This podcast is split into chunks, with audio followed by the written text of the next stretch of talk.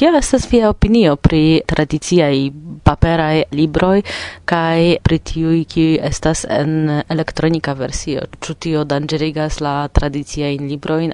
Bela demando, kaj fakte mi ne estas kontraŭ bit libroj, ĉar evidente se vi volas ke iu legu en Esperanto, tio estas la plej efika maniero pli faciligi tion. Estas neniaj preskostoj aŭ franko, Do mine estas kontraŭ kaj fakte en januaro mi havis ioma da libera tempo, do mi provis ciferecigi unu el niaj libroj kaj ne estis plene contenta pro la rezulto kaj mi estas iom perfekte mulo. Do ni ancora ne eldonis ciferece, sed mi antaŭvidas ke ni eldonu unue paperforme kaj eble unu jaron poste elektronike ni ne povos fari ion ajn relati tion, tio estas normala problemo ĉe ĉiu eldonanto. Ne ĉiu konsentas, do la plej belaj libroj kiun mi vidis lastatempe de alia eldoneo estas tiu de Bialystoka Esperanto Societo, kaj mi scias, ke ilia alero estas tute eviti la ciferecajn librojn, simple pro tio, ke ili jam pagis por presi amasegon, ili ne volas che iu simple caperos la dosieron kai distonos gien, kai to, to, mi, tion mi plene comprenas, mi ne antau vidas che ni pensos tiel, mi fakte gioias se iu alia volas legi niain libroin sed ĉu ne estus pli facile por esperantistoj por disvastigi diversajn tradukaĵojn aŭ e, novverkitajn librojn se estus eh, en bitformo anstataŭ presi tion kaj vojaĝi tra la tuta mondo por diversaj Esperanto-aranĝoj kun granda valizo plena nur je libroj? Jes, do contra la cutima sistemo yes vi plene pravas. Tamen ni kiam ni povas ne uzas tian sistemon. Ni creas libro in lautio laumenda sistemo kiu hazarde proponas sen pagan a francon al exterlando do tiu i homo kiu volos legi paperforme povos ne vere temas pri la mono char mi montris pli frue che relati iun novan libron kiun ni surmercatigos post eble quintagoi, ni intense perdos monon, ni malgainos per gi. Char ciam vi pensas pri la traduc raitoin, la graficajon kiun oni devas pagi, oni devas doni iom da mono kiel rabato al tiu exterai accettantoi, Ni fakte devos peti dectu punnoin, do, fakte euroi kai pundoi hodia esas tut same danke al frenese da ciro de la nova financministro do de kvar euroi sed ni decidis ke ni vendos contra dec du. Simple char ni volos ke homo accetu la libron kaj ĝuu kai pli plibonigi sian Esperanto. Do tio estas parto de la filosofio. Vi parolis pri tradicio modelo, do se vi serĉas librojn pri la movado, kaj jam scias pri la ekzistantaj Esperanto-libroservoj, kaj ne volos uzi poŝtelefonon, vi povas trovi multege da ili, kaj same pri poezio kotopo, sed pri tiu libro e kiun oni atendas trovi ĉe flughaveno, do Agatha Christie, tiu ĉiu tagaĵoj, estas nenia espero, ĉu ne? Do, jam stopinti la brecion pri infan libroi, iom tro facte, ni nun transiros al tiu alia brecio, do la ciu tagai libroi ciuin oni attendus trovi. Kai baldau, post unu monato, ni annonsos traduc concorson alla tuta esperantistaro por traduci la libron tre tre faman in Britujo de Daphne du Maurier, Rebecca. Kai la venkinta traduconto ricevos poste quincent pundoi, do hodiau quincent euroi cutime sescent. Kaj ni esper tia, ki ni allogas plurajn homojn, kiuj facte montrigas pretai traduci libroin, kaj post ni povus diri ankaŭ al ili. No, vi ne venkis, tamen ni estimas vian provon, vi klare estas capablulo, ciu interesus vin traduci tion libron kontraŭ quincent pundoi. Do, la longdaura celo eble tro optimisma estas Ĉu ne estas bone unu tagon en ĉiu monato povi on anonci novan libron? Iom tro optimisma, to se mi duon sukcesos, tio estas ĉiun duan monaton. Kaj jam estas bela afero. Jen la celo. Ĉu multaj homoj fakte en dudek unua jarcento aĉetas tiujn librojn? Mi povus diri, ke en kutima monato ni plenumas circa dudec mendoin. Do, ni dir, uno el miai libro, exemple, tio estes alia afero, au pomego, au piv, de kutime dudec mendoin.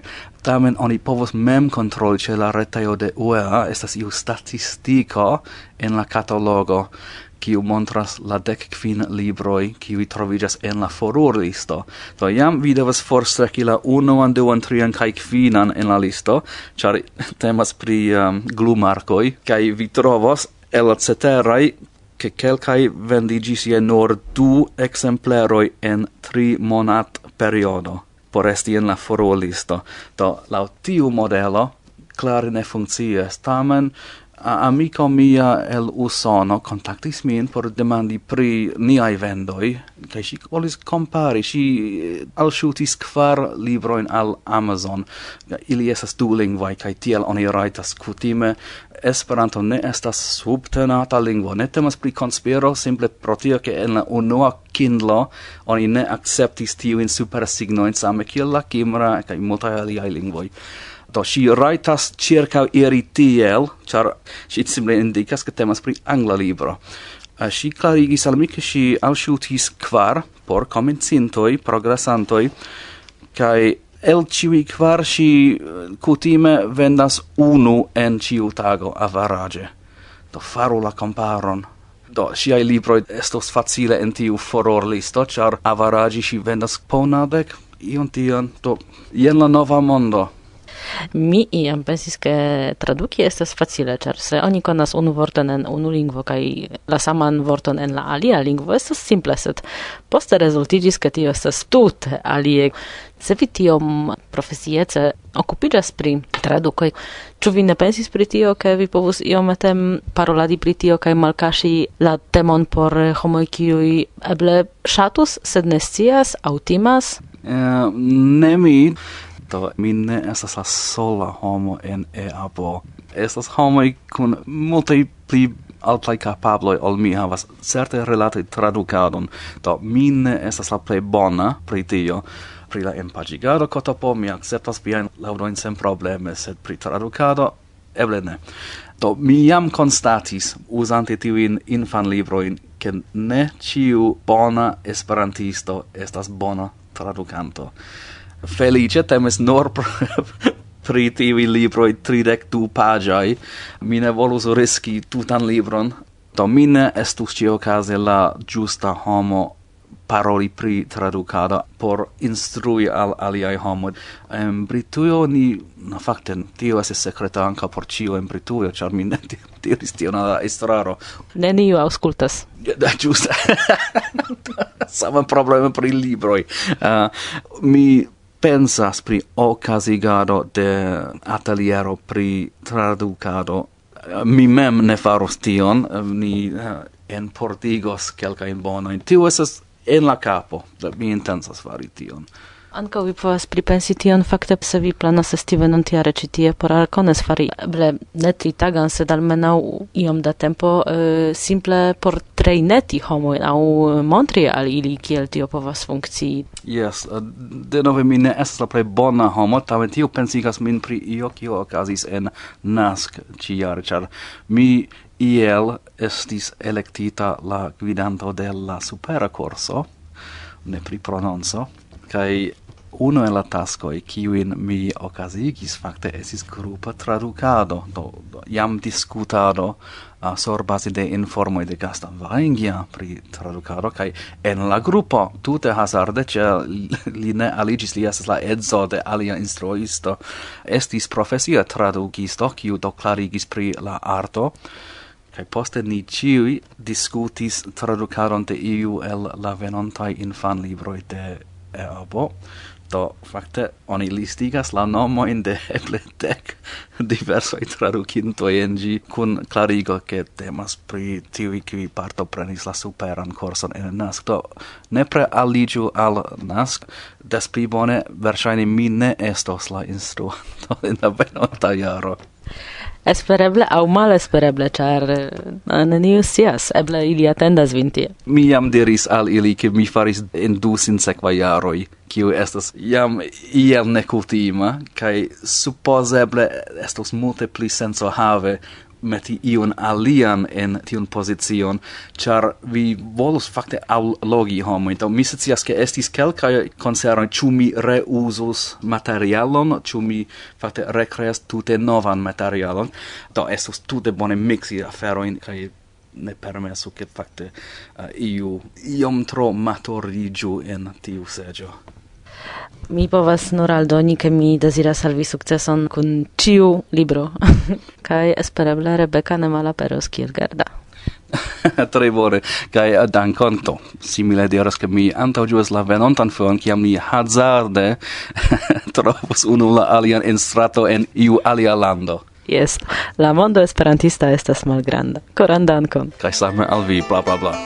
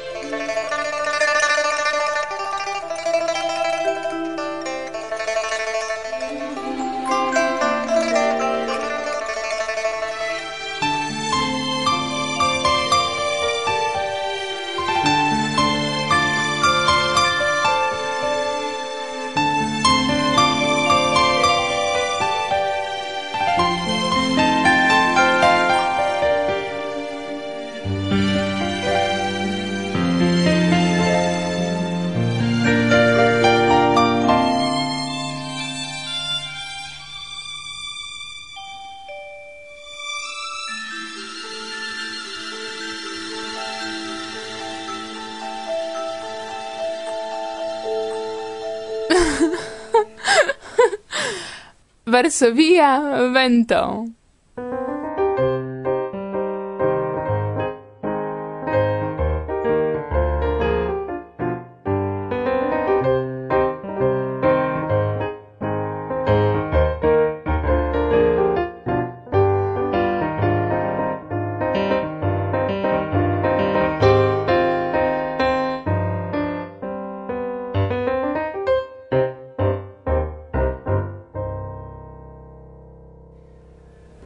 verkis la canzonon Amo kaj asfalto por primoki min mem. Okazis multfoje al mi ke mi enamiĝas pri iu kaj tiuj sentoj estas ne reciprokaj kaj mia reago iel estas kiel diri mi ne comprenas kaj mi, mi ne volas accepti che la liulo ne enamiĝas pri mi Do mi ne akceptas tion kaj mi rakontas al mi ekzakte tion kion mi rakontas en la kanzono. Tio estas mi faras al vi plej belan proponon. Ni havu amrilaton kaj tiel ni flugos, ni svebos en exaltec. Vi ne povas rifuzi, vi ne povas malakcepti mian proponon. Kaj la aliulo diras, ne. Ne. Do jen la momento kiam mi cantas Se timas vi pro altez, restu malalte, mi svebos en exaltez, vi pesos sur asfalte, sed compreneble mi ne povas svebi en exaltez sole. Por svebi danke al amrilato, temas pri amrilato, do estas almenau du homoi.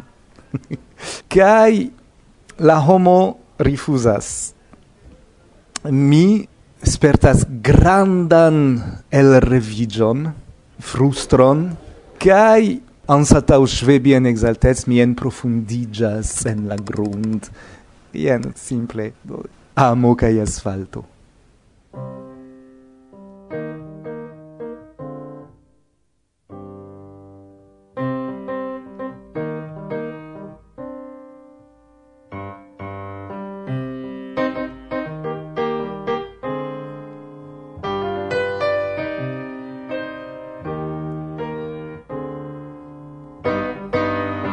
Ĉu vi iris jam amejen?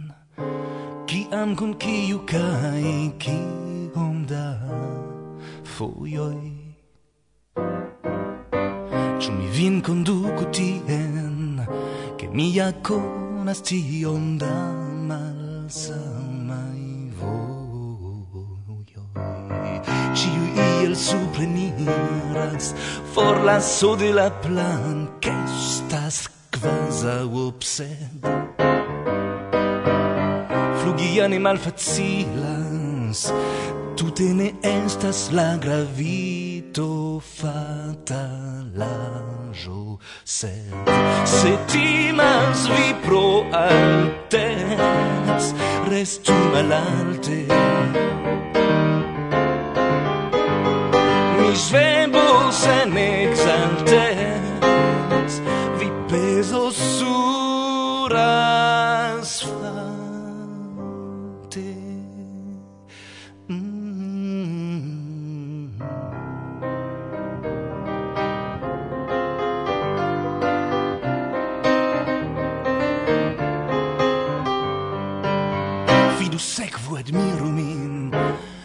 foriros per miai respondai sentoi.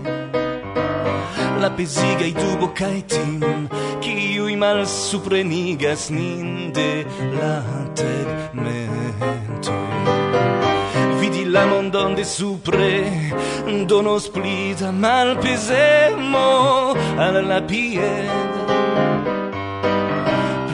gemo insultoi kai ni ciam al proximigiandos la sunon Sed se timas vi pro altez Restu malalte.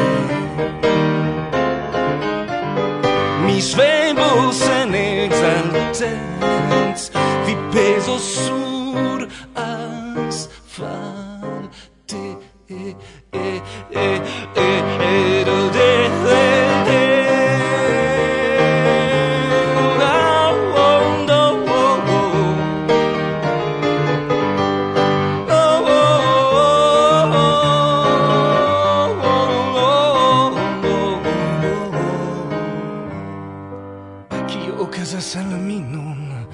vi forgetis mian belan proponon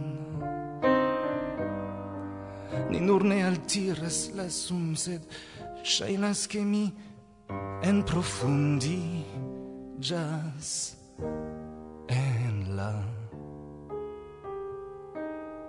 grunda.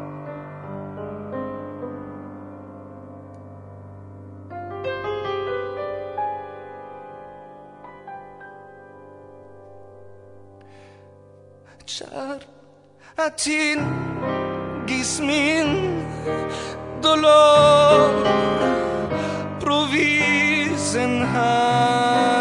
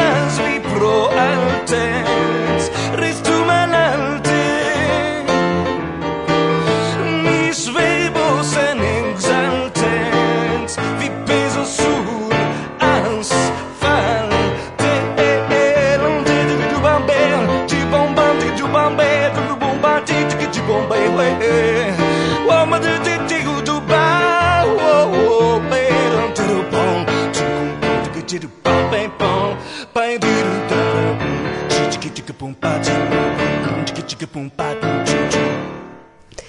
Saluton.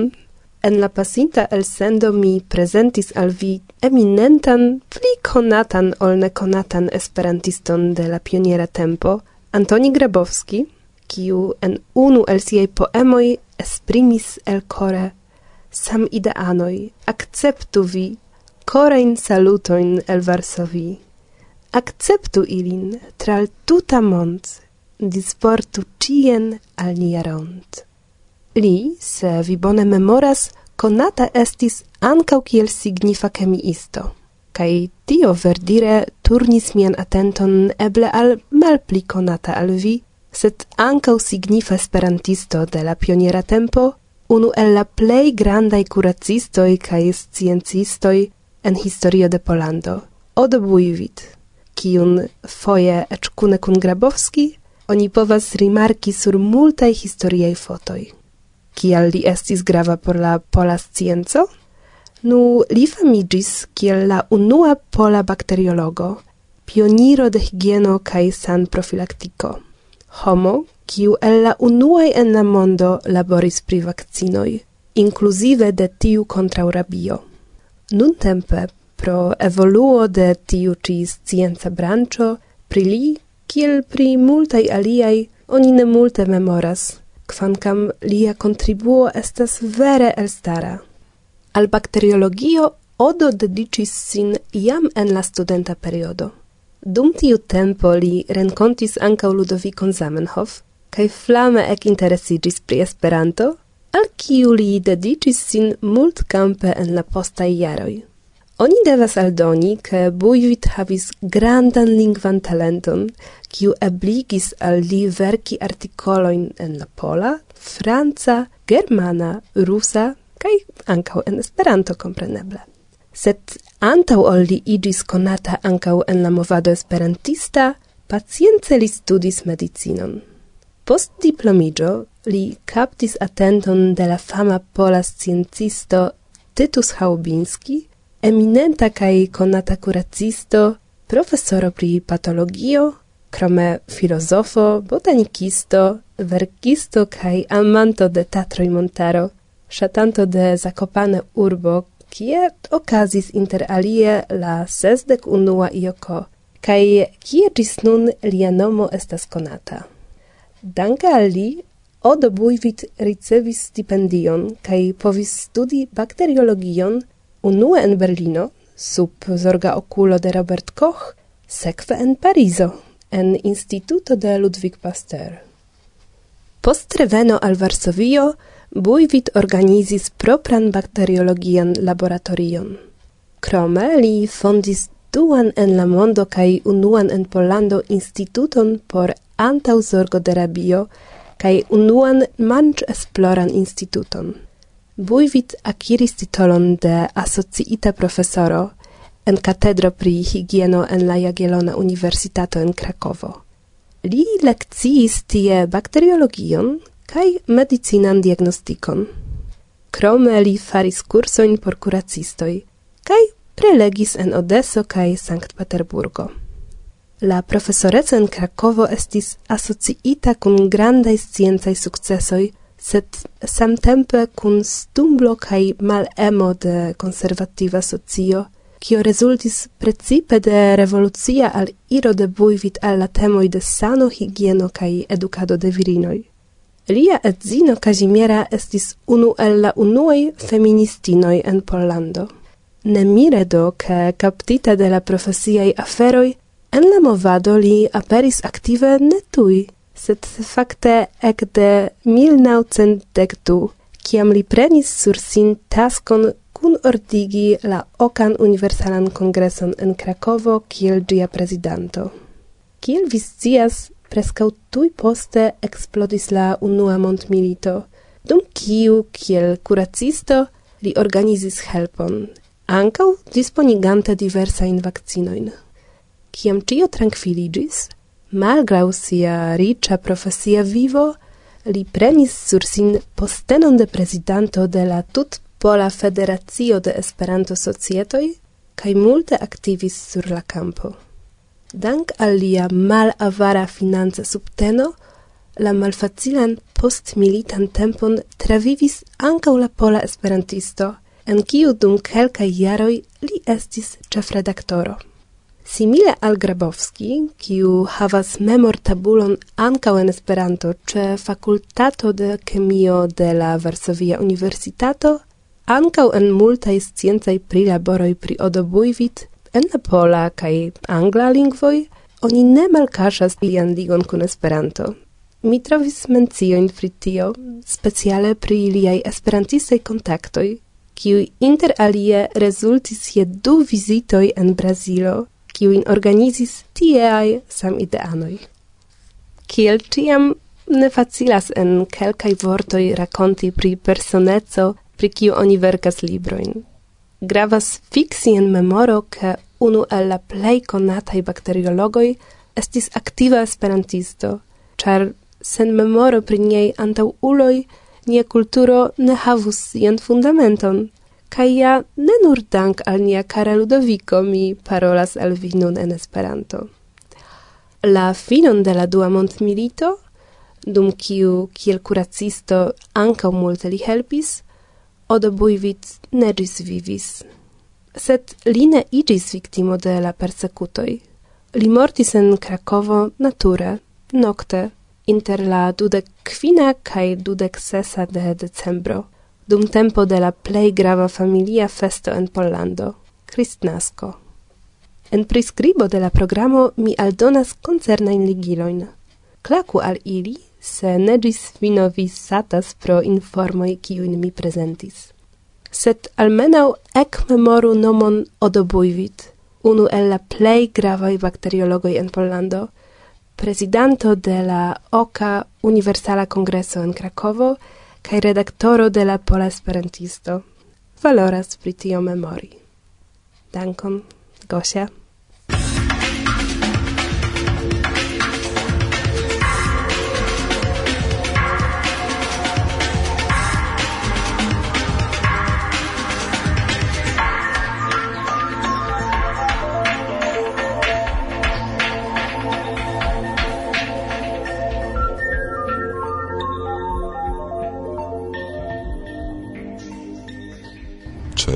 vetero, char kial ne, ce tablo extere, char la ora autuno comencigis in Pollando, ca estas relative varme. Mi sidas cune, Pascal Dubourg-Latigny, kiu racontas al ni kion li presentis al partoprenantoj de artaj konfrontoj en Esperanto. Do pri kio vi parolis fakte? Do mi presentis la la voyagion de Lucien Perrer, kiu estis um, laboristo, esperantisto, kiu faris biciklan vojaĝon al uh, Azio uh, inter 1910 kaj 1932 kaj um, antaŭ nelonge ni trovis eh, grandan uh, de fontoj pri lia vojaĝo.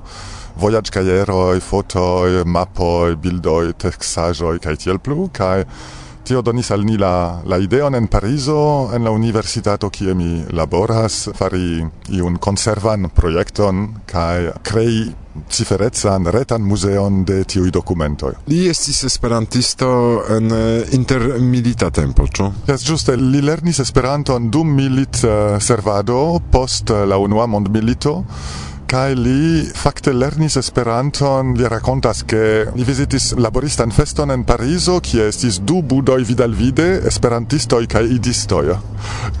kai li parolis kun ambaŭ kai fine decidis pro kialo kion li ne rakontas sed li decidis lerni Esperanton kai li havis tre precizan motivon en sia menso tiu tempe laŭ li Ni jus eliris la unua mondmilito kaj la laboristoj devas paroli inter si unuigi por ne plu esti manipulitae de capitalismo kiu creas militoin contrao ilia volo, ĉu ne? Kaj sendas pro ekonomiaj kialoj interesoj la laboristoin al um, la morto sur la batalkampo. Do tio estis lia unua motivo lerni Esperanton.